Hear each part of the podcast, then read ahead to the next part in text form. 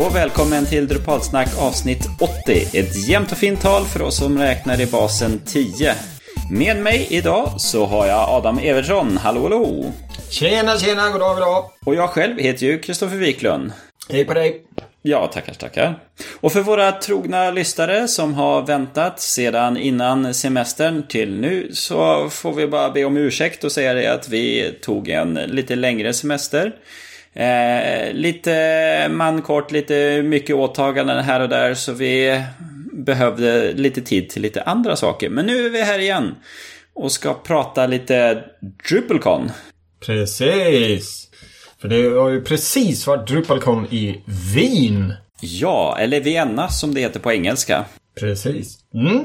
Det var lite mm. trevligt ställe att vara på. Det är, det är kul att åka på DrupalCon. Inte bara för att, att träffa folk och, och träffa likasinnade och se att communityn lever och frodas utan eh, man även får komma iväg och se lite exotiska ställen.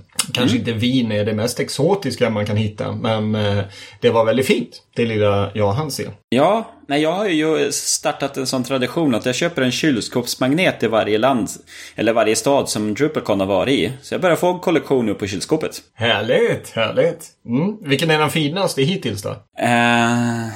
Ah, det, jag tycker de har ju sina olika präglar och sånt där. Mm. Eh, den jag köpte nu var ju ett fint slott på och så. Eh, men jag undrar om Amsterdam, där köpte jag en träsko. Den var lite rolig ändå.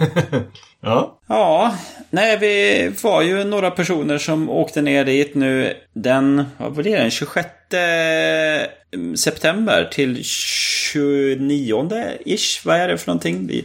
Vissa stannar ju längre, vissa stannar kortare tid. Ja, precis, precis. Jag var bara där i tre dagar över själva konferensen. Men du och dina kollegor ifrån Webbsystem, ni stannade lite längre va? Ja, vi kom redan på söndagen innan och så åkte vi söndagen efter. Så att eh, vi har vandrat vin. Jag har, hade skavsår, det verkar ha gått över nu. Eh, och ena dagen var det på lördagen. Jag hängde inte med då, men mina kollegor de gick och de började räkna ihop att ja, 28 000 steg hade de gått den dagen. Oj, oj. ja, inte illa får man väl säga då. Helt ja. enkelt. Mm.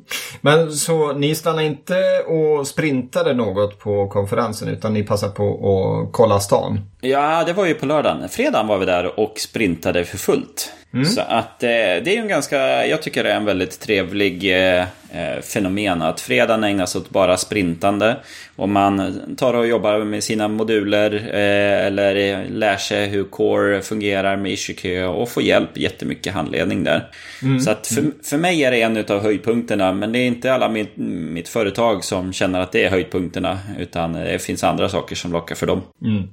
Men de har väl sprintar även på helgen innan och efter va? Eller är det inofficiella sprintar? Lite inofficiella. Det brukar finnas lite grann men i år så var det inte någon mycket push på det hela. I Amsterdam då var det ju mer att ja men gå hit eh, på lördagen och även i Irland så var det ju som på lördagen kunde man gå till en annan lokal. Mm. Eh, men idag, eller vad säger den här året så såg jag ingenting direkt utav det hela. Nej. Vi får återkomma till det längre fram i diskussionen, eller längre fram mm. i podden. Mm. Ja, men eh, vad tyckte du nu om själva konferensanläggningen? Det är ju en stor del utav en konferens ändå. Det var ju ett center där i Wien. Ja, precis. Eh, Messe Prater heter han väl, eh, det här. Det var ett rejält stort eh, konferensanläggning. Jag vet inte ifall du var uppe någon gång på andra våningen där de hade boffrummen och tittade ut över lunch, eh, alltså själva salen där man fick lunch. Tittar, gjorde du det någon gång? Ja, jo, jag var där. Och man såg som bakom skynket, för de hade ju avskärmat för lunchytan. Ja, precis. De hade ju, gick man lite längre bort så kunde man ju se nästa del. Eh, och det var ju, alltså vi snackar ju flyghangarsstorlek. Vi, det kunde lika gärna varit hämtat ifrån från X-Files eller, eller de här Independence Day där de hade eh, sina tefat. Det, det var så ohyggligt stort. Uh, och som du säger då, den här enorma lunchsalen som ändå då kunde uh, få, uh, vet du, få sittplatser till, eh, vad var vi nu, 1600 personer eller något liknande. Eh, och då tyckte man det var stort, men vad som, vad som egentligen fanns bakom det var ju ännu större. Så det var otro, ett otroligt stort mässcenter och då tog vi ändå upp ganska mycket av utrymmet. Men då kan man ju tänka sig vilka enorma mässor det kan finnas eh, som kan ta plats där. Men jag tyckte det var ett bra ställe. Det var lagom stora rum. Eh, Wifi strulade aldrig vad jag kunde råka ut för eller vad jag kände till. Eh, och det var fint och rent. Och framförallt så, till skillnad från Drupalcon London, så hade de som jobbade där en snittålder på kanske 25-30 istället för 70 plus. Eh, så de hade ju koll på läget. Det fanns inte en fråga man kunde slänga på dem som de inte kunde svara på. Så det, det kändes väldigt bra. En av de bättre anläggningarna skulle jag vilja säga. Ja, men vill du veta en rolig sak? Jag vill alltid veta en rolig sak. Ja, den där stora hallen som vi såg. Mm. Det är en utav fyra stycken. Om man ja. kollar upp det hela på eh, Google och så, då börjar man inse, aha, det är tre stycken till lika stora sådana salar. Undrar ju ifall det finns någon mässa som tar upp all den här platsen på en gång. Och vad det skulle vara för mässa i så fall. Jag skulle tänka mig antingen vapenindustri eller gambling. Där finns det pengar. Ja, jag jämför ju med, med Bokmässan som ändå är rätt stor här i Sverige. Eh, men eh, den, den, skulle ju den skulle ju inte täcka en, hälften av en sån stor hall liksom. Så att den hade ju behövt bli ännu, ännu större. Men jag vet visserligen att leksaksmässor ofta eh, har väldigt mycket eh, utrymme. Det är, det är en, en otroligt stor bransch. Så att eh, vi är väl inne där lite, som du säger, lite spelbranschen också. Mm. Mm, vad tyckte du om, om anläggningen då? Om vi, om, storleken spelar ju, har ju ingen betydelse vet man ju. Nej men jag tyckte den var, den var bra. Eh, jag tyckte ändå grupprummen och de bitarna, det var bra löst på det hela. Ehm, jag vet att vissa klagade på att sprintdelarna var ute i korridoren och inte i enskilda rum eller så. Men eh, jag tyckte det, det var bra flöde och man gick inte och sprang på folk hela tiden. Även om det var en rulltrappa upp och ner mellan våningarna. Så mm. var det som aldrig köer. Det var ju inte som i i Irland, där var det verkligen köer vid rulltrapporna. ja. Ja, han skulle upp fyra våningar på, och hade fem minuter mellan, mellan sessionerna. Mm. Och det var fullt överallt. Okej, okay, så sprintarna, det var det ut, gemensamma utrymmet då? Mm. Eh, som man kunde sitta på. Då förstår jag ju faktiskt att folk eh, beklagar sig lite. Eh, det brukar alltid finnas ställen som man kan gå och gömma sig på. Men så var det tydligen inte den här gången då. Nej, men det var ju lite tråkigt att det var så. Men å andra sidan kanske de inte hade så många små rum. Vi hade ju ett tiotal rum för, för boffarna. Mm. De här unconference bitarna eller delarna där man kan sätta upp en, en mindre diskussion kan man säga. BOFF står ju för Birds of a Feather. Eh, men sen kanske inte fanns så många andra mindre rum. Det här, man kanske bara satsar på stora grejer i mässeprater. Ja, nej jag tror att eh, man tittade på lite grann vad finns det för ekonomi i det hela också. Och nu hade man ju ändå en stor yta där med bord och ström mm. och så. Så att man tyckte väl att testa det hela. Ja. Och en sak behöver man ju faktiskt ha en stor yta till och det är ju Keynotes. Eh, som ja. var tre stycken med, och som alltid inleds eh, med en, eh, vad heter det, Drisnote heter det. Mm. Lite skämsamt med eh, vår kära eh, Drupal-skapare. Dries Boitart eller hur man nu uttalar det. Eh, tyckte den var en bra keynote. Vad, vad, vad tycker du? Eh, jo, eh, han har ju ändå droppat lite grann av de här statistik och siffrorna och undersökningarna innan. Så jag hade som lite koll på vad han skulle prata om. Eh, men jag tycker han gör det ändå väldigt bra. Han har ändå eh, bra upplägg på sina, sin presentation och det är kul att veta hur de tänker sig framtiden för Drupal och hur långt man har kommit i utvecklingen och de bitarna. Så att eh, jag tycker den var bra. Mm, jag håller med. Det, det var kul och det, det är alltid lite extra kul att se vad, vad som komma skall också. Även om det inte är någon hemlighet så visar han ju upp vart, eh, vad nästa version kommer innehålla 8.4 och vart vi är på väg. Och så lyfter han ju fram lite frågor också om eh, hur, hur gör vi med JavaScript-bibliotek? Ska vi, inte, ska vi inte typ dra in något i kärnan här då? Så att eh, vi kan, eh, så att vi inte blir så spretiga kan man säga. Eh, vi får väl se vart det tar vägen. Jag hade två eh, frontend-kollegor här som blev alldeles till sig när, när han kom in på den biten. Nej, och sen tycker jag också det är ju intressant. För det har ju varit en hel del kritik över att Drupal är bara för Enterprise.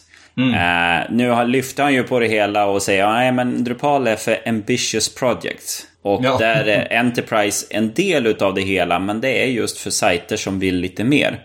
Mm. Och de här enkla bloggarna, broschyrsajterna, där ser han som eh, grundare eller så att det kan eh, software as a service lösningar lösa. Alltså typ Webflow eller Wix eller de här andra typ peka klicka bygg din hemsida på fem minuter lösningarna. Mm. Eh, för där är inte Drupal riktigt... Eh, det, det, är svårt att tävla där för det är inte det som är syftet med Drupal. Det är ju, Drupal är ju byggt för att kunna anpassas. Ja. Inte för att ha massor med mallar och så. Eh, däremot så tycker jag det är lite intressant eh, när han sa hela, ja men det kan ju bygga någon som bygger en Drupal-sajt för just enkel, komma igång med bloggar och sånt där. Att göra en SAS-lösning byggd på Drupal. Mm. Eh, hintan om att det kan ju någon plocka upp. Men det som är det, det är att Acco har haft en sån lösning med Drupal Garden. Och den har man ja, lagt ner. Precis. Så att, eh, ja. Det tycker jag väl är lite intressant. Men, men det är också bra att man adresserar det hela och säger men det är inte Drupal. Han ser inte visionen för Drupal för små eh, bloggar eller eh, broschyrsajter. Utan det är ju mer eh, ambitious projects där man vill göra något mer avancerat på webben. Mm. Och det är väl det som vi alltid har sagt, helt enkelt. Ja. Eh, Drupal är ett stadigt CMS, ett stadigt CMF, ramverk. Eh, som helt enkelt klarar av lite tuffare utmaningar. Och eh, vill du göra en blogg, ja då kanske inte Drupal är det som är det bästa. Eh, vill du göra en enkel, vad ska man säga, företagspresentationssida, kanske inte heller Drupal är det bästa. Eh, då kanske du bör lägga dig på något lite enklare verktyg. Men ska du ha en lösning eh, som klarar av på ett säkert sätt att hantera hundratusentals medlemmar Eh, med en mängd olika funktioner. Ja, då börjar vi snacka liksom. Då behöver du ett stabilt system som kan växa med tiden. Och då, då klarar liksom inte de här bloggverktygen av det här. De vill, de vill klara av det. Men i dagsläget så funkar det ju inte. Och det, det säger jag inte bara som, som Drupal-entusiast utan det här är ju liksom någonting som, som andra utvecklare som jobbar med de här enklare systemen är väl medvetna om. Så att, eh, nej men det tyckte jag var bra. Andra dagens föreläsningar var ju ifrån eh, Monique Morrow. Ja. Eh, pratade ju ganska mycket om att eh, tänk på, på hur er data används som. Mm. Typ. Håll, håll, koll på och vad kan folk göra och de bitarna.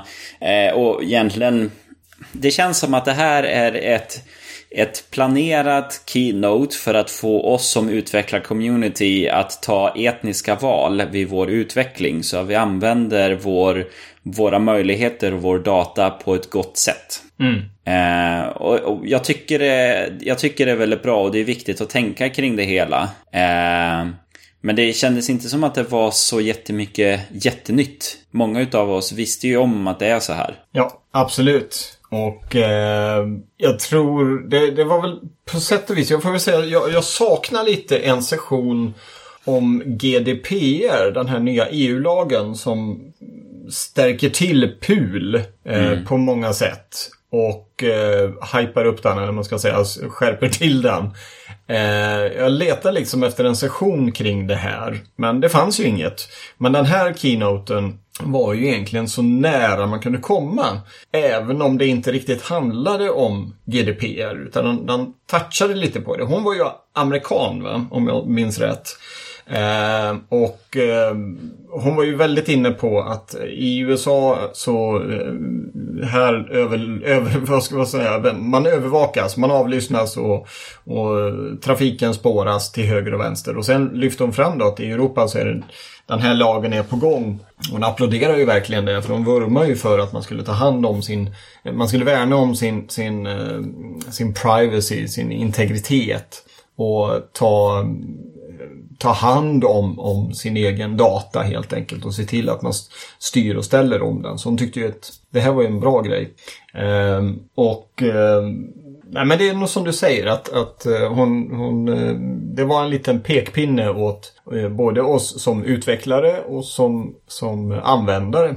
Att eh, tänk på detta. Tänk på att din data eh, kan eh, användas på olika sätt och alla är inte bra. Hon lyfter ju bland annat fram att eh, biometrisk data, alltså data som är eh, ditt ansikte, dina fingeravtryck och, och liknande, ögonfärg och sånt, skulle eh, kunna säljas till eh, andra bolag. Eh, hon lyfte även fram att det fanns någon teknik som gjorde att bara genom att ta ett kort på ditt ansikte så kunde man se vilka sjukdomar man led av då och där. Och den datan lyfte hon ju fram skulle kunna säljas till till exempel din en framtida arbetsgivare eller till ett försäkringsbolag. Och det kanske inte är så bra. För att om ett försäkringsbolag som du ska lösa en försäkring hos får reda på att, ja men titta, du, led, du lider ju av en sjukdom som du inte känner till. Men du säger att du är frisk. Men här har vi ju faktiskt någonting som visar att du är sjuk. Då får du ingen försäkring hos oss. Eller något liknande.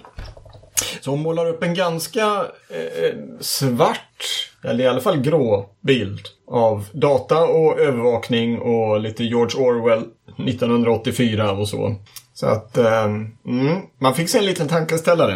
Och hon lyfte ju också upp den här undersökningen som jag läste om, eller egentligen forskningsrapport. Eh, forskare som hade gjort sån analys ifrån en dating med bilder där du har deras sexuella läggning.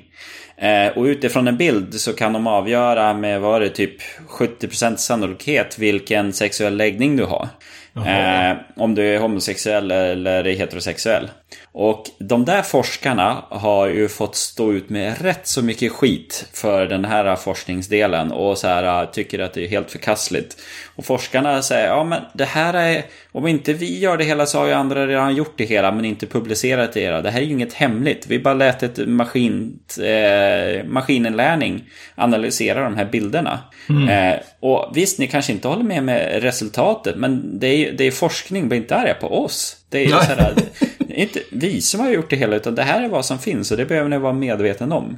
Ja, vi går en ny eh, härlig framtid till mötes. Vi får väl se var vi är om eh, tio år. Eh, när vi spelar in Drupalsnack avsnitt 240. Kan vi gå tillbaka och titta på våra tankar idag. Ja. Ja, ska vi rusa vidare här? Tiden, tiden ja. går. Vi vill inte ja. köra ett alldeles för långt avsnitt här. Det händer ju så mycket annat också. Ja, vi kan ju bara nämna lite grann. Sista talan där, Joe Schneid Schneidler kanske man säger. Schindler skulle jag nog Schind Ja, Schindler var det nog ja. ja. Eh, han var ju från ehm, eh, Lollabot. Eh, trä, såhär, utbildare där och så. Och berättade sin story i, i Drupal Community. Hur han fick hjälp och hur viktigt det är att säga tack till dem som hjälper en även om de inte inser det hela. Och att mm. vara lite snäll i issue-kön. Det var väl typ sammanfattningen. ja, kan man säga. Han berättade om sina första första möten i issue-kön och hur, vad man kunde råka ut för och hur man inte skulle uppföra sig. Och eh, det var väl någon av hans eh, första, som, första patcher tror jag. Där det var någon som eh, sa ja det här var ju inte riktigt bra. Men om du läser här eller om du gör så här så kommer det att bli bättre. Och det här var också en person som han blev kollega med lite senare på Lallabot. Mm. Så att, eh, nej, det var väl mycket, mycket om communityn. Och det, det är väl inte så konstigt heller, för det var ju en keynote som eh, var riktat åt eller från communityn helt enkelt. Men jag tyckte den var, den var bra och inspirerande och han berörde ju även det här imposter syndrome som eh, det även fanns en del sessioner kring. Där man tror att alla andra är så mycket bättre än vad man själv är. Och så när man börjar gräva så ser man att nej men, ni är ju på ungefär samma nivå som jag. Eh, och så behöver man inte vara rädd för att fråga. Eller liknande. Mm.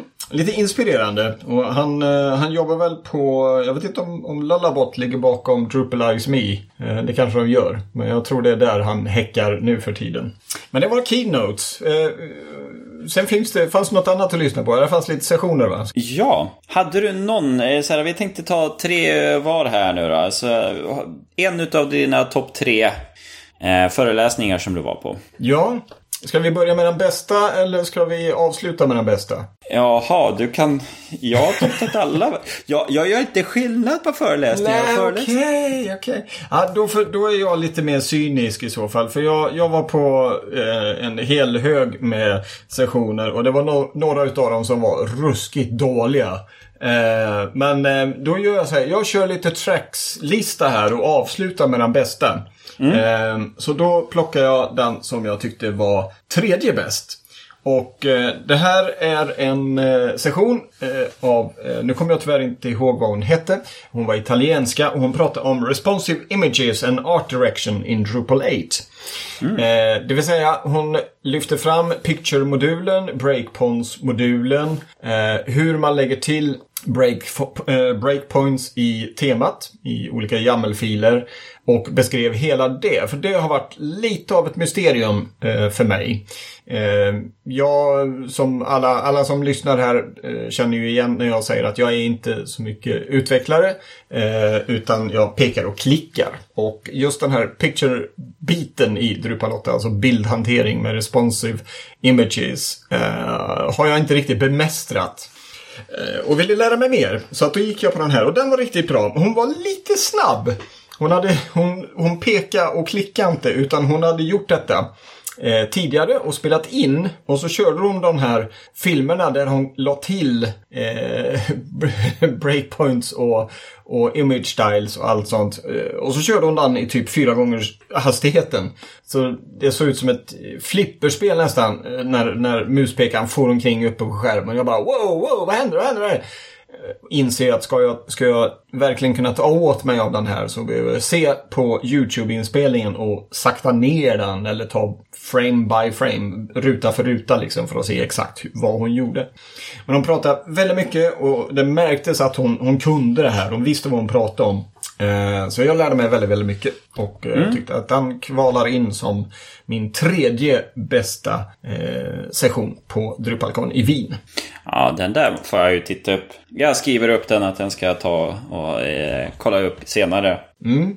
Du behöver inte kolla upp eller du behöver inte skriva ner det utan kolla i våra show notes sen. Eh, ja. Och det kan ni som lyssnar också eh, titta. Vi länkar ju in alla i våra show notes på drupalsnack.se och där hittar ni länkar till de här eh, mina topp tre och Kristoffers eh, alla tre på en nivå eh, sessioner. Ja, och för mig då, jag tänkte ta mina i kronologisk ordning. Ja, det är bra. Så min topp tre här nu då, då ska jag ju börja med den första session jag var på. Det var State of Media Initiative och sedan The Layout Initiative. Det var två stycken session på en timme. Mm. Eh, som egentligen gick igenom eh, Core, hur, hur ligger vi till med media i Core och hur ligger vi till med layout eh, funktionaliteten Layout Discovery, tror jag den modulen heter. Eh, så det tyckte jag var väldigt intressant att höra. Dels är det ju det att media, eh, det börjar komma in vissa delar utav media nu i 8.4. Eh, sen är det ju mer saker som kommer komma in till 8.5 om ett halvår. Så det pratar man om vad kommer komma in och framförallt pratar man om nu när man har vissa saker som ligger, kontrib, ska ju då flyttas in i Core och vad det innebär och hur man bör tänka och, och om du ska bygga en sajt nu som ska jobba med media, vilken väg ska du ta?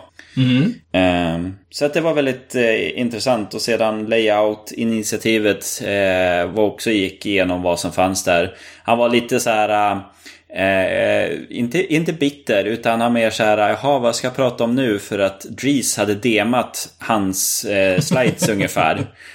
Så han hade så jaha, ja, men... Eh, mm, vi, jag försöker prata lite grann här. Men det blev väldigt bra. Det, det var ju, eh, hette han... Eh, Tim Plunkett som höll i det. Han är ju utvecklare där och väldigt framstående core-utvecklare. Eh, så att eh, han har mycket kunskap. Så det var... Ja, även ifall Dries hade då visat upp vad, vad det hela är så slår det ju inte att faktiskt ha en av initiativtagarna eller en av de som är med och utvecklar för de är ju mer insatta och de kan ju svara på alla frågor och lyfta fram det på ett helt annat sätt. Mm. Eh, och det som jag tror, Dries pratar ju inte mer än tre minuter eller fyra minuter om, eh, om media i core eh, och att det är på väg in. Medan här hade du då 30 plus 30 minuter. Mm. Mm. jag vet mina kollegor var och lyssnade på den här och tyckte den var bra också. Och eh, det är en av dem som står på min att titta på-lista. När, eh, när man får lite tid över så är det dags att börja kolla på YouTube. Ja! Mm. Ska jag ta min, ju... Eh, min nummer ja. två nu då? Eller vill du, vill du, förlåt, vill du eh, säga något mer om, om media och layout?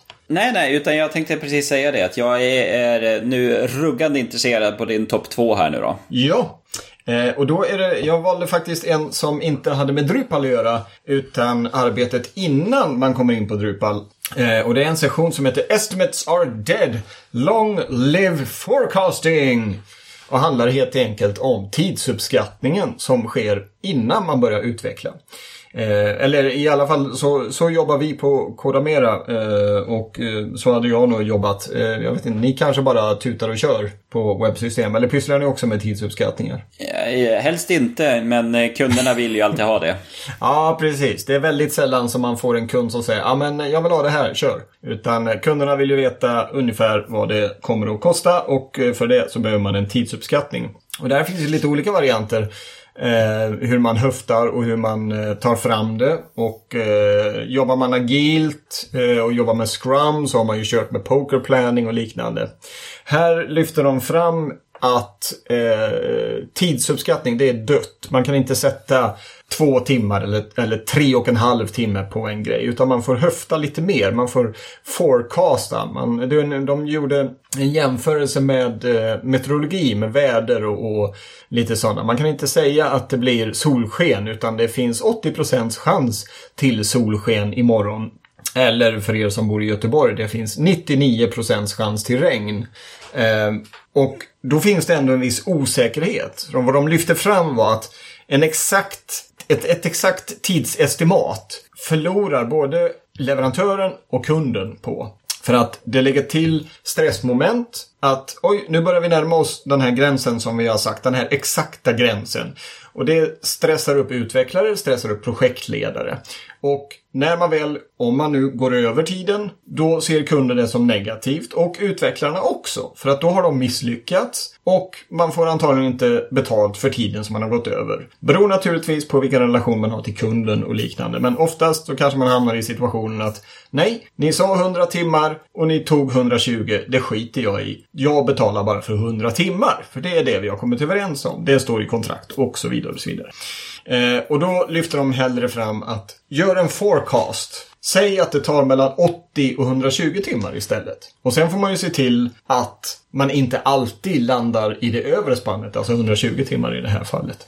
Utan med hjälp av den här så kommer ni att få ett smidigare och jag eh, vet inte om man ska säga trevligare arbetsklimat eller utvecklingsklimat. Eh, för att ni har en liten buffert så att säga. Och mm. på det sättet så behöver ni inte vara så exakt spikade på de olika bitarna som ni ska bygga i sprinten eller i, åt kunden helt enkelt. Eh, den här var mest, jag, jag valde den som nummer två här Mest för att den var inspirerande. Det var inga jättestora nyheter. Så här jobbar eh, vi redan på Kodamera och för mig på supporten så har jag alltid jobbat på det sättet. Jag är inte riktigt säker på att det här kommer att ta två timmar. Det kan ta 45 minuter och det kan ta tre timmar. Det beror på. Men så det var inte jättenytt men det var ändå skönt att få höra att det här, är, det här är ett, ett bra sätt att jobba på. Det är fler som jobbar på det här sättet. Vi kan rekommendera det. Så på det sättet var det väldigt inspirerande. Så att det är därför som den hamnar som nummer två på min lista, helt enkelt. Och nu är jag jättenyfiken på eh, nummer två i din kronologiska ordning. Ja, det var eh, slutet på sista dagen så var det Drush 9, Lean and Modern. Eh, det var Drush-utvecklarna, eller delar utav dem, av gruppen eller så, som gick igenom hur man har byggt om Drush 9, vad som finns och inte finns och, och struktur och vilka problem man eh, har löst och så.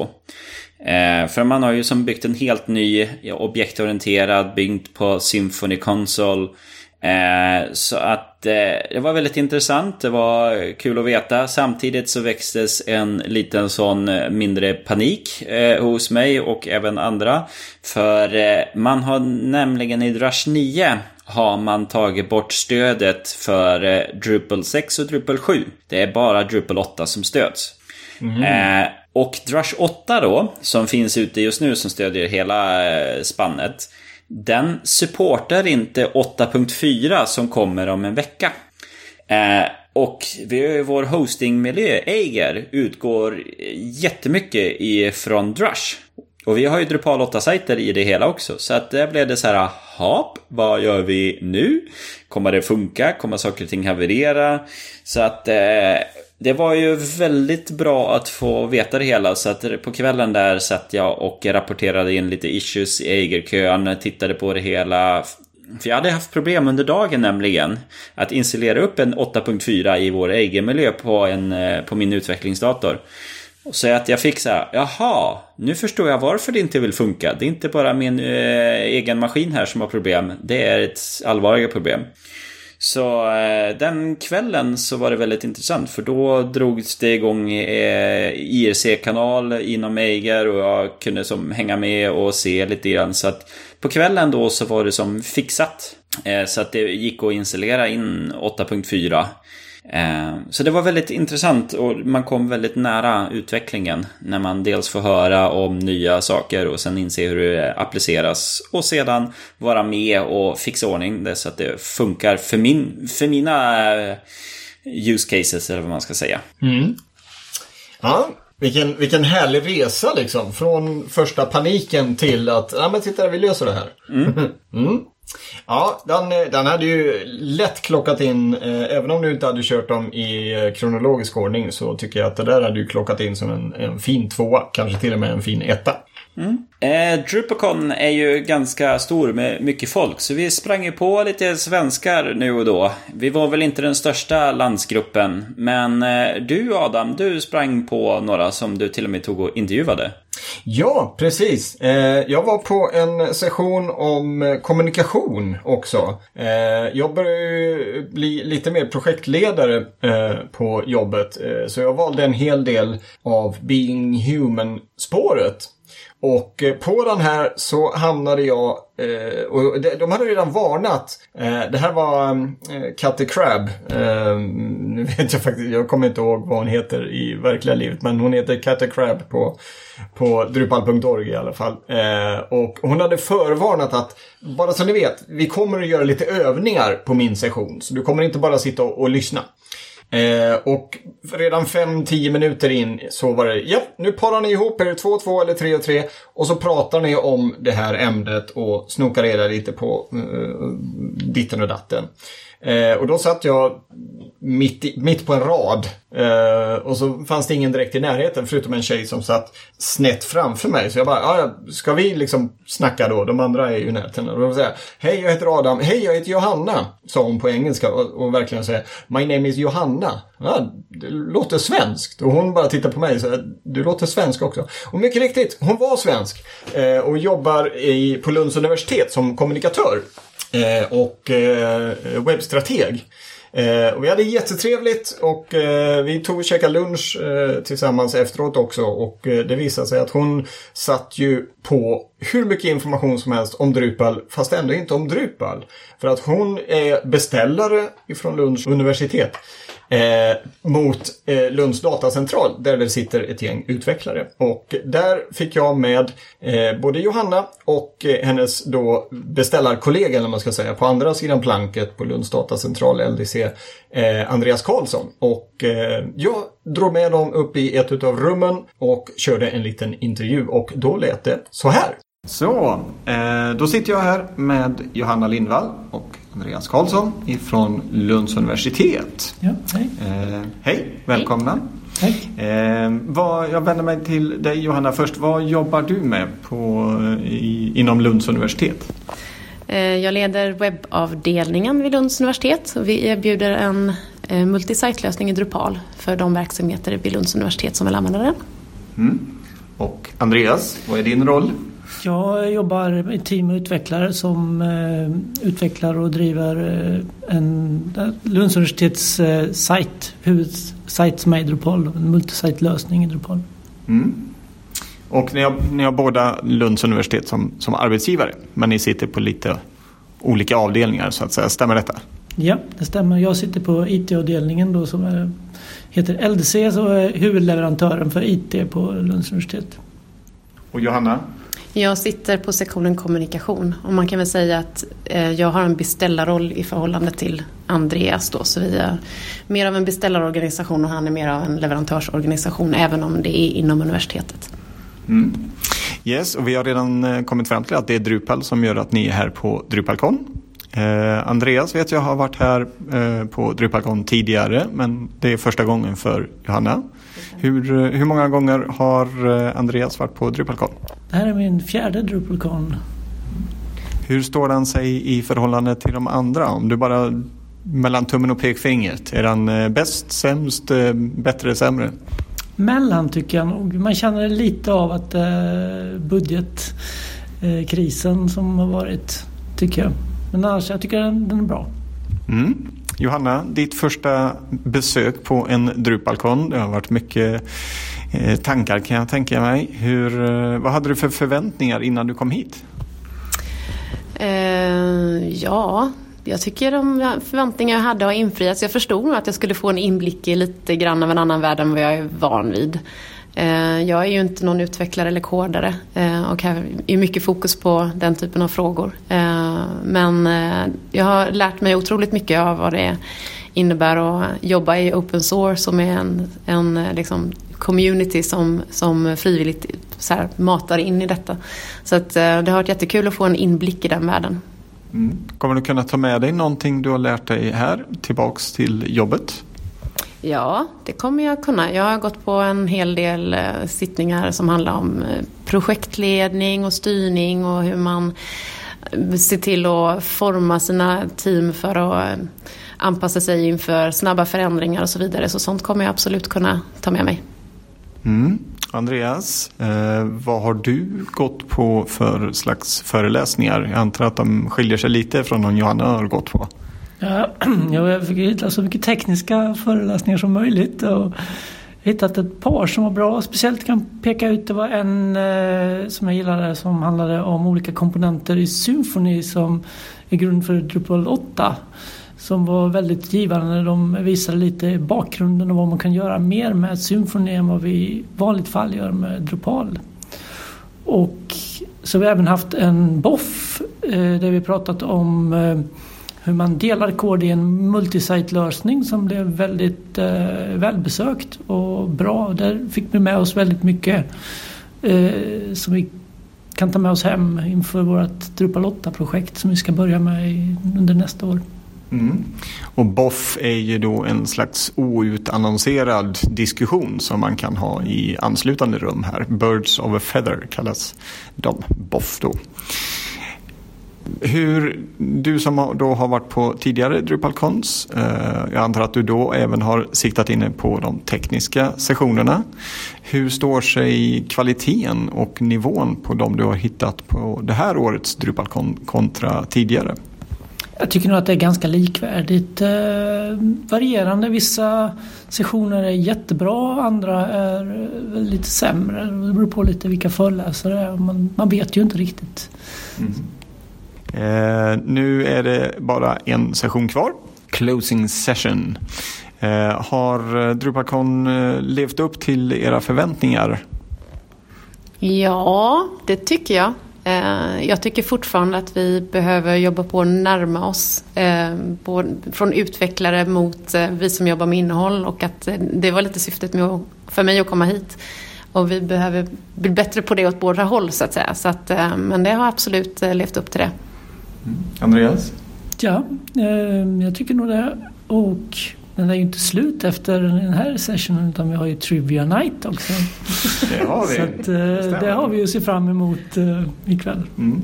Men ni stannar inte för några kodsprintar utan ni åker hem igen? Nej, jag gör inte det den här gången. Eh, tack så jättemycket för att ni ville vara med och eh, lycka till med Trivia Night ikväll helt enkelt. Tack så mycket. Tack. Ja, tackar så mycket för det hela. Alltid kul att höra nya röster inom Drupal-världen. Mm, precis. Och eh, förhoppningsvis så kanske vi träffar dem här nästa år. Eh, eller på andra Drupal Camps eller liknande. Så att eh, vi kanske får lov att återkomma. Mm. Nej, väldigt trevliga människor och alltid kul att träffa eh, dru svenska Drupal-kollegor kan man säga. Mm. Ja, nu har vi våra sista sessions här nu som vi skulle ta upp då. Ja, ska jag, precis. Ska jag ta min först här nu så får du spara den bästa till sist då. ja, det kan du göra. Så den eh, som jag hade sista här nu då, av mina topp tre, det var Commerce 2, Lessons Learned. Och det var också en sån väldigt bra föreläsare. Det var en utav killarna i Commerce Guys som har varit med och utvecklat Commerce 2. Eh, man har ju helt enkelt byggt en ny version utav Commerce från 7an, byggt in det i 8an, behövt göra den objektorienterad. Eh, och berätta väldigt så här eh, intressant om vilka, vilka, vad de har lärt sig. Hur kodning ska gå till, hur man ska strukturera kod. Den var ganska utvecklingsfokuserad, men utan att visa massor med kod. Eh, så att eh, när man han lyfte upp mycket av sådana här sanningar som kan finnas ibland bland utvecklare. Eh, antingen bekräftade han dem eller så sa han nej men det, det, är inte riktigt så. Det låter fint att säga så men det är det inte. Eh, till exempel det här, det finns ett talesätt som säger att eh, eh, eh, dokumentation är onödigt för att då har du skrivit koden konstigt om du inte kan förstå det. Om du måste dokumentera det du har skrivit, då har du skrivit dåligt. Ja, ja. Eh, och det, så på ett, ett sätt kan det vara sant för att om du ändrar koden måste du uppdatera dokumentationen. Men det man egentligen ska se det som, dokumentation är inte att beskriva vad koden gör. Utan det ska ju egentligen beskriva varför behöver jag göra det här. Um, och förutsättningar för det hela. Så därför är dokumentation väldigt viktig i koden, för det ger ett annat sammanhang. För eh, att, att berätta hur man kör bil upp till Umeå, eh, det säger ju inte så mycket. Det kan man ju se på kartan, bil har kört där. Men varför körde du bil upp till Umeå? Det är ju viktigt att veta. För det syns ju inte i kod eller i en körjournal på det sättet. Mm, mm. Så att, eh, det, bland annat, han, hade så här, han gick ju igenom en lång lista med just den här sanningar slash eh, reflektioner som de har lärt sig eh, under utvecklingen av Commerce 2. Så att det var, nej men det var en bra, det var en duktig programmerare som föreläste. Mm. Det är alltid kul när man hittar folk som är bra på att uh, föreläsa. Mm. När, uh, när är nästa Commerce-version då live? Uh, är det inom kort eller är den kanske redan live? Jag för mig den är det. Jag för mig inför DrupalCon så gjorde de reklam om det hela. Mm. Så att eh, den, jo men jag för mig att den är taggad där. Ja, härligt, härligt. Ja, det måste varit ett rejält projekt att koda om helt enkelt. Men nu, nu är jag otålig. Nu Adam, för, det är bästa föreläsning på hela DrupalCon. Jag tyckte du satte ribban ganska högt förra gången. Ja, precis, precis. Eh, jo, nej, eh, jag var på en föreläsning som... Eh, det, det, är ju ingen eh, hemlighet. Jag sitter ju på support och förvaltning på Kodomera. Eh, och har hand om eh, bland annat säkerhetsuppdateringar. Eh, och de gånger som vi får in nya kunder som har fått sina webbplatser hackade. Notera, nya kunder, inte våra egna kunder. Våra egna kunder ser vi till att de är uppdaterade och hackas därför aldrig. Men det finns ju tyvärr de som inte kör sina uppdrag, säkerhetsuppdateringar och råkar ut för hemskheter. Och då var jag på en föreläsning som heter, eller som heter 10 ways Drupal 8 is more secure. Eh, och jämfört då med tidigare varianter. Och den var riktigt intressant. Eh, och nog för att jag visste att Drupal 8 var säkrare, eh, bland annat genom Twig-lagret som gör att du inte kan köra eh, POP-kod rakt upp och ner i dina Twig-filer. Eh, men här fick jag ytterligare nio skäl till varför Drupal 8 helt enkelt är, eh, är bättre eh, och säkrare än tidigare versioner. Och, och han pratade bland annat om OWASP som står för Open Web Application Security Project. Och det här har då eh, en 10 topplista över vilka eh, säkerhetsmissar kan man säga som är de mest förekommande och som är de hemskaste ute på nätet. Eh, och där finns bland annat då SQL injection, det finns cross-site scripting, security misconfiguration som ibland då om man inte är van vid Drupal skulle man kunna råka ut för det, att man ger för stora permissions, rättigheter till exempel. Eh, Cross-site request for forgery och så vidare och så vidare. Det finns tio stycken då som är topp 10. Och sen gick han igenom tio, eh, de tio eh, orsakerna, eller tio skäl till varför han tycker att Drupal 8 är mer säkert. Och där är bland annat då, han började faktiskt med Twig Generation och där säger han att den här täcker in eh, nummer tre i OWASPs lista och det är injection. Så du kommer undan eh, SQL injection via Eh, att du använder Drupal 8 och att Drupal 8 i sin tur använder Twig. Och sen tog han som nummer två en personlig favorit. Eh, att den är borta. PHP-filter, den modulen som lades till i Drupal 7. Han sa att den öppnar ju upp en hel härva med säkerhetsgrejer. Så att, att den försvann i åttan var ju jättebra och där täcker du in fler då. Och sen fortsätter den här eh, och lägger till allt möjligt då. att eh, till exempel du har eh, konfiguration i kod och på ett och att du som utvecklare då kan se till att eh, köra diff på koden och se har det hänt någonting och liknande. Att du, du kan versionshantera din kod. Också en säkerhetsgrej. Du kan filtrera text, du kan ehm, eh, använda det här Trusted Host Patterns i eh, Settings POP. Eh, också en jättebra grej. Att du inte plötsligt kan bli, eh, bli ehm, eh, råka ut för en sån här cross-site request forgery. Att, att man plötsligt me menar att jag, jag postar det här från en annan sajt när du egentligen inte gör det och så vidare. Så det här tyckte jag var intressant. Dels som utvecklare Dels som Drupal-entusiast men även som, eh, vilket är också ett av de benen som jag står på, lite säljare. Alltså där man måste kunna förklara för kunden varför Drupal är så mycket bättre än något annat. Och här är ju, alltså säkerhet är bra. En hackad sajt är inget bra för kunden. Det är inget bra för oss som leverantör.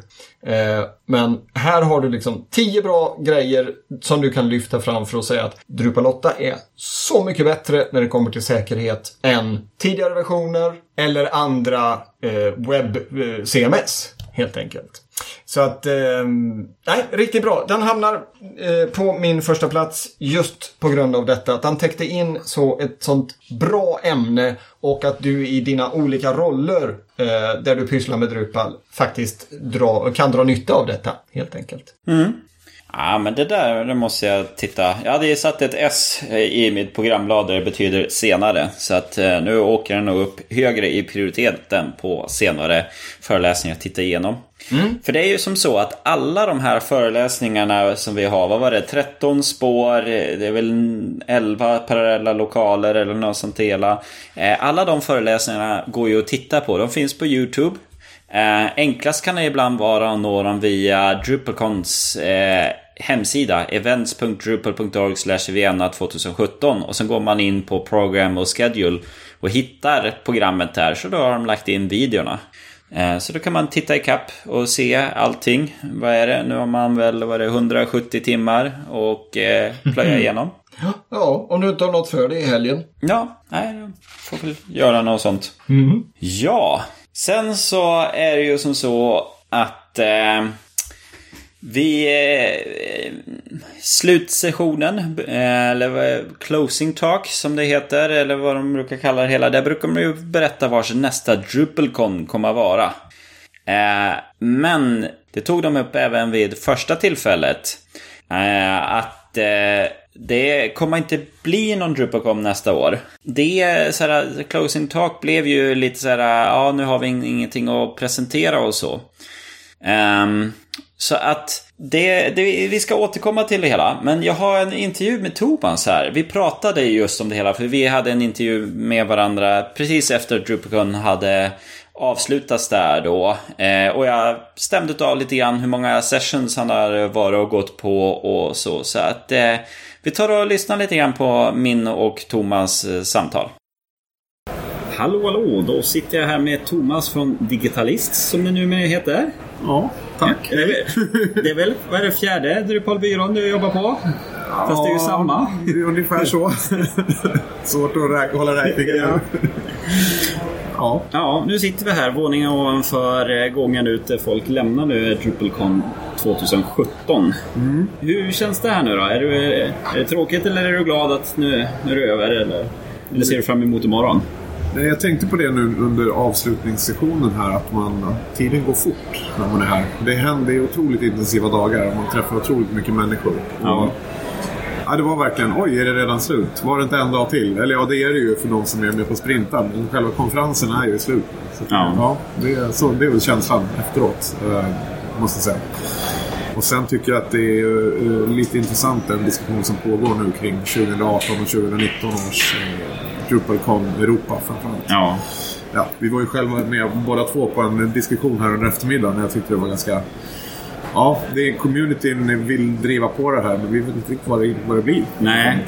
Nej, och det är ju intressant för ja, men som sagt, det är onsdag så var det en boff och då var det väldigt hög ljudnivå och det var lite, det var nästan som att det var skrik där eller så, arga röster.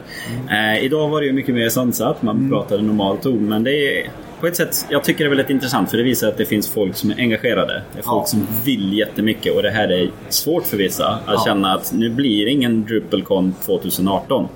Och då man tar det som ett nederlag. Nej, men och det, sen, sen tror jag att det är det som, var, som jag tyckte var tydligt att det spelar ingen roll vad det heter, vi kommer ses ändå. Det, det blev ganska tydligt att, att det finns... Eh, ja, vi, vi gör det här ändå. Eh, och det tycker jag är häftigt. Liksom. Det visar lite grann kraften i, i, i den här communityn. Ja. Att det bara, folk bara löser det. Då, liksom. Ja. Sen får vi se, nu vet vi inte vad det blir. Men, men ja. Ja, nej, för jag tycker ändå att årets DrupalCon har ändå varit väldigt bra. Eh, varit fina lokaler och bra organiserat och så. Eh, så vilken var din bästa session du var på då? Ah, ja, det, vi pratade om det här idag, nu skrattar vi lite båda två. här, Men jag har nog bara varit på, på en session och det är Dries Note, eh, den inledande keynoten. Eh, och det är lite så mina DrupalCons brukar se ut. Eh, jag har väl dels stått i vår boot och pratat med människor. Och min, min huvuduppgift här är väl egentligen att berätta om oss, att vi har bytt namn och ja, varför det och, och sådär. Och, och prata med människor i communityn om det. Liksom. Eh, berätta om vår story. Sådär. Så att det, det är väldigt mycket prata med människor både dagtid och, och kvällstid som är, har varit min liksom, huvuduppgift. Och det har jag gjort. Så att jag, Ja. jag är stolt över det, den insatsen. Men, Ja, det finns alltid massa sessioner. Som tur är det finns ju mycket inspelat. Så att det är Mm. lite grann att titta på vad folk har gillat och sådär. Ja. Jag har varit med på en boff har varit. Ja. Nej men det är ju så, det känns som att det är ändå mycket möten som det här bygger på. Ja. Eh, som jag här nu fick ju se ansiktet på XJM. Jag har Ja. sett hennes namn tidigare men aldrig kopplat vem det egentligen är. Nu har man en person bakom namnen där och så. Så det, jag tycker det är väldigt kul att få se. Det är inte fel. Mm, verkligen. I, I dagens remote-arbetande liksom, eh, kultur så blir ju liksom ansikten och det är det som någonstans DrupalCon det är den ena delen. Sen, sen hör man ju nu på communityn att liksom det är otroligt finns en otroligt kunskapstörst i att få komma till DrupalCon och verkligen liksom få, få bli bättre på Drupal och lära sig saker. Där, där finns det väl en utmaning framförallt för de som kanske har varit med länge i Ja. communityn. Att, att eh, det kanske inte det sker här. Utan det är just mötena och de här grejerna. Ja. Vilket inte är dåligt men, men det finns en, en önskan. Ja. Eh, Så det tror jag, att det, det tror jag vi kommer se här kommande två åren. Att Drupal kommer, att ge även den kanske kunskapslyftet för oss som har varit med i ja, tio år i communityn. Liksom. Ja. Så, så det, tror jag, det tror jag kommer bli bra. Ja. Och vi har ju ändå sett statistik där att väldigt mycket av commits till Drupal görs ju ifrån Europa. Ja, precis. Och det tycker jag ändå är väldigt kul. Att Ja, var det 45 procent? Ja. ja. Det är häftigt eh, faktiskt. Eh, det är det verkligen. Och det är ju det, ja men vi ser ju ökade antal eh, folk som kommer till Drupal och så. Ja. Ibland kan man ju känna det att det här är ju ett ganska krångligt system. Det är inte någon knickedickare hemma som ska ha en enkel hemsida som sätter sig in i det hela. Nej, nej, det var någon som det var, drog just den att ja, men när vi välkomnar nybörjare så det är en ganska liksom, saftig ingång man får med att dra upp en utvecklingsmiljö. Ja. Där det kanske är människor som liksom, eh, möjligtvis har skrivit på en webbsajt någon gång tidigare. Mm. Så det, det, kan nog vara en ganska blodig liksom, upplevelse kan jag tänka mig. Ja. Men ja. Men hur är din känsla nu för Drupal 8? För den börjar ju landa lite grann här nu känner jag. Ja, onekligen. Det, alltså det, för oss har det ju varit... Eh, vi hade ett ganska jobbigt år förra året får man ju säga utifrån ett teknikperspektiv. Eh, och påverkade till och med lönsamheten lite grann för oss. Men vi, vi har ju valt varje gång Drupal släpps en version att verkligen vi kör det från dag ett. Och då har vi till och med budgeterat för det i, i vår budget på företaget att det här kommer få kosta lite. Eh, vi vet att vi kommer ha problem och så vidare. Eh, men jag tror att det var mer än, än vi hade till och med räknat med, även fast vi har gjort det tidigare. Mm. Men, men nu känns det som att det är våra team och våra utvecklare är på banan och, och ja, utmaningarna blir liksom andra. Då kan man fokusera på det som verkligen skapar nytta. Så, där. så det mm. känns som att verkligen eh, moget. Ja. Eh, det, det är i alla fall vår upplevelse. Jo, och det, det, ser man ju också på modulerna att de blir ju mer och mer stabila. Ja. Varje månad man går igenom listan på moduler som ska uppdateras så ja. ofta de blir, ja men nu är de stable helt plötsligt. Så. Ja, också den här helt fantastiska liksom hur, hur Core nu hela tiden får nya features. Att vi inte hamnar i den här femårscykeln innan vi liksom ens får få lite nytt godis i, i, i liksom grundpaketet. Ja. Så det, det, det ska man inte heller glömma bort i, i, i det hela. Ja. Mm. Så det, ja. Ja, nej men då tackar så mycket. Och jag ja. hoppas jag ser dig snart igen på någon camp eller kon eller vad det nu blir. Eller ja, vi, vi satt här och pratade om eh, Drupal Camp Nordics bland annat. Ja. Det, eh, om inte annat eh, sådär. Ja. Och det är maj tror jag pratades om. Ja, okej. Okay, ja. ja. Spännande. Vi ska hålla utkik för det hela. För ja. det behövs mer. Det behövs. Ja. Ja, tack. Tack och hej. Tackar så mycket Thomas där på Digitalist. Um, det är ju ett ganska viktigt ämne det där med DrupalCon Europe. Uh, både du och jag Adam var ju på Boffar som samtalade kring nästa års DrupalCon. Eller egentligen den stora europeiska samlingen. Ja, precis. Det får ju... Den ska ju inte heta DrupalCon, eller vad man ska säga. Ehm, I, I och med, som du sa innan där, att, att eh, Drupal Association anordnar ju ingen officiell DrupalCon nästa år. De vill ta en liten paus och utröna varför, varför det inte går så bra i Europa. Varför det inte går lika bra i Europa som i USA.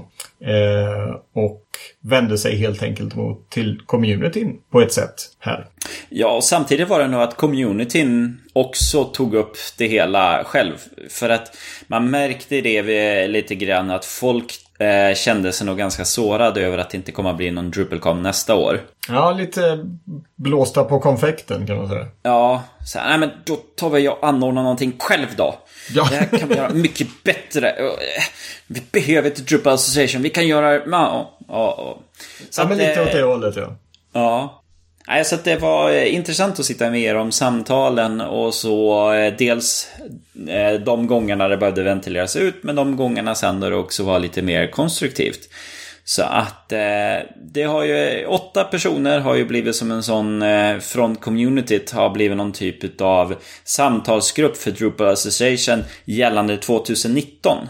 Men den där samtalsgruppen finns också med i, i själva community-engagemanget att ordna någonting tills nästa år. Mm. Så att det, det jobbas, det söks lokaler, platser och så och den stora anledningen är ju ändå att årets DrupalCon och förra årets DrupalCon i Europa gick back. För man hade inte räknat med alla personalkostnader som egentligen folk lägger ner tid på DrupalCon. Mm. Medans DrupalCon i USA, det är en jättekassasuccé. Um, ehm, så den kommer man inte röra. Men den i Europa känner man att vi måste ta och fundera. Vi kan inte köra vidare som vi alltid brukar göra för att det, det blir inte riktigt eh, bra. Och Nej. vi i Europa fungerar, det har varit ganska mycket också, att vi i Europa fungerar på ett annat sätt än USA i kulturer och sånt. Precis, och det, så är det ju. Och det var väl också något som lyftes fram eh, på våra boffar att eh, att de, de i Drupal Association som är mest amerikaner, de försöker ta det som funkar i Amerika och bara flytta det till, eh, till eh, Europa. Och det funkar inte riktigt. Det blir en kulturkrock eh, helt enkelt. Eh, för att vi är så olika. Även om man inte tror det så, så är vi det helt enkelt. Eh, så att nu får vi se vad de kan koka ihop till 2019 och fram tills dess så är det upp till communityn att hjälpa till och fixa någonting helt enkelt. Ehm, och eh, det har väl dragits igång rätt så snabbt. Ehm, jag tror vi sa eh, inom en månad så, måste, så ska vi helst ha hittat ett ställe att vara på. Ehm, rätta mig om jag har fel här, men jag har för mig att det var så vi sa. Eh, det är så här för att kunna boka upp sådana här stora konferenscenter eller andra ställen för att kunna rymma 2000 personer. Så de behöver bokas typ inom en månad, sen så är de fullbokade. Mm. Eh, så därför behöver vi som komma igång med det hela. Eh, men det låter ju ändå som att det kommer kunna hittas någonting. Det pratas om att det finns lite backup-planer och så. Så att det kommer bli någonting nästa år. Absolut. Men det kommer inte vara DrupalCon utan det kommer vara Drupal Europe eller något liknande. Mm. Och där, eh, jag tror att vi redan nu kan säga att det kommer inte att bli en flådig eh, konferenshall så som det har varit de senaste åren. Eh, för att vi identifierar ju snabbt kostnaden för en sådan hall som en av de stora eh, utgifterna. Och att om communityn ska kunna dra runt detta så kommer vi inte att kunna ha en, en omsättning på 10-12 miljoner. Eh, utan det här får landa, det får bli mycket, mycket enklare. Eh, vi förlitar oss inte på avlönad personal utan det är communitymedlemmar som kommer att få dra i detta. Eh, men det kommer att vara communitymedlemmar från i stort sett hela Europa. Jag menar bara i det rummet eh, på de första och andra boffen så var det folk ifrån säkert ett 20-tal olika europeiska länder. Så att det här är en, jag skulle nog säga en ganska unik situation för ett sånt här stort Drupal-event. Det finns camps runt om i Europa som anordnas av flera länder, till exempel Drupal Nordics, eh, där det är många från olika länder som är med och fixar och donar. Eh, men det här är så otroligt mycket större. Eh, Mårten DK som var med och pratade och som även är en av de här åtta som sitter med i rådgivningsgruppen eller vad man ska kalla det inför eh, DrupalCon 2019. Eh, han siktar ju på någonstans mellan 1500 och 2000 personer. Eh, Det var andra som hade uttryckt ett, eh, en mycket lägre siffra. Men eh, jag känner väl att det hade varit mycket roligare att sikta på 1500 till 2000. Och eh, får vi till det så är det ju bara jättekul. Och det, det skulle ju i så fall visa hur stark communityn är kring Drupal. För det som är intressant är ju att Europa står ju ändå för väldigt stor del utav commitsen. Så vi är ändå en stor del utav Drupal. Precis. Men inte på just den eh, på de mm, marknadsmässiga bitarna på det sättet. Vi har ju inte de stora internationella företagen som kan bara lägga in miljoner i pengar för sponsring och sånt. Nej, precis. Jag tror jag, jag hörde siffran 46 eller 48 procent av alla core commits kommer från Europa. Ja, jag för mig jag läste det någonstans också. Undrar om du har Drisnote? Kan det ha varit. Det kan det ha varit.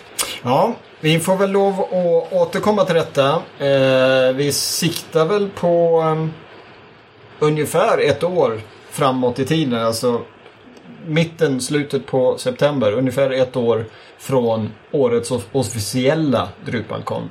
Eh, så vi får väl se i, eh, i hur stor del du och jag tar i den här eh, samarbetsarbetet, eller vad man ska säga, samarbetsprojektet.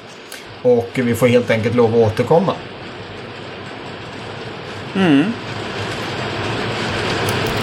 Och nu verkar det regna rätt bra hos dig Adam.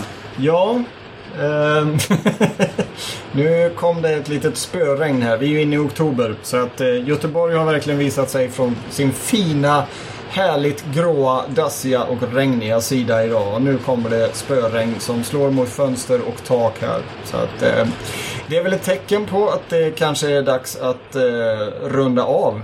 Helt enkelt. Och det sammanfaller ju faktiskt med att den sista punkten vi skulle täcka in var just eh, Drupal Europe.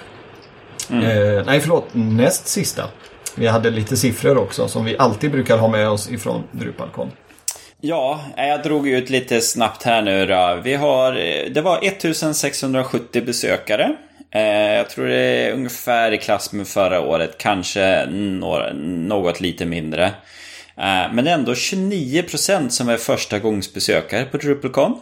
Så mm. att det, det, det, är ändå många som kommer till. Och sen så var det 14% var eh, kvinnor. Vilket är ändå bättre än branschsnittet. Men det skulle vara kul om det vore mer jämställt eller så. Men vi är ändå på bättre väg. Mm. Ja, det är bra. Det får vi satsa på i framtiden att ta med våra kvinnliga kollegor. Så att eh, Drupalcon får bli, eh, vad ska man säga, gå i bräschen för att eh, man har jämlikhet. Eller så stor jämlikhet som möjligt i alla fall. Mm. Nej, men ska vi knyta ihop Drupalcon vinsäcken för detta. Eh, för den här inspelningen, för den här podden. Mm. Det var väldigt trevligt att träffas ansikte mot ansikte, eh, Kristoffer. Alltid kul att träffas. Detsamma, detsamma. Och för er som vill eh, veta mer när det kommer ett nytt avsnitt så har vi ju ett nyhetsbrev, vi har ett RSS-flöde, vi finns på Twitter och sen finns drupalsnack.se. Eh, när vi hörs nästa gång, det är inte riktigt bestämt än. Eh, men eh, vi har pratat lite grann om att vi kanske eh, gör lite uppehåll tills efter nyår. Eh, det händer lite väl mycket hos oss som pratar här nu och eh, vi känner att vi, vi, måste, vi måste också ta ett steg tillbaka och fundera ut vad vi ska göra. ja, nej, det vet jag inte om vi behöver fundera.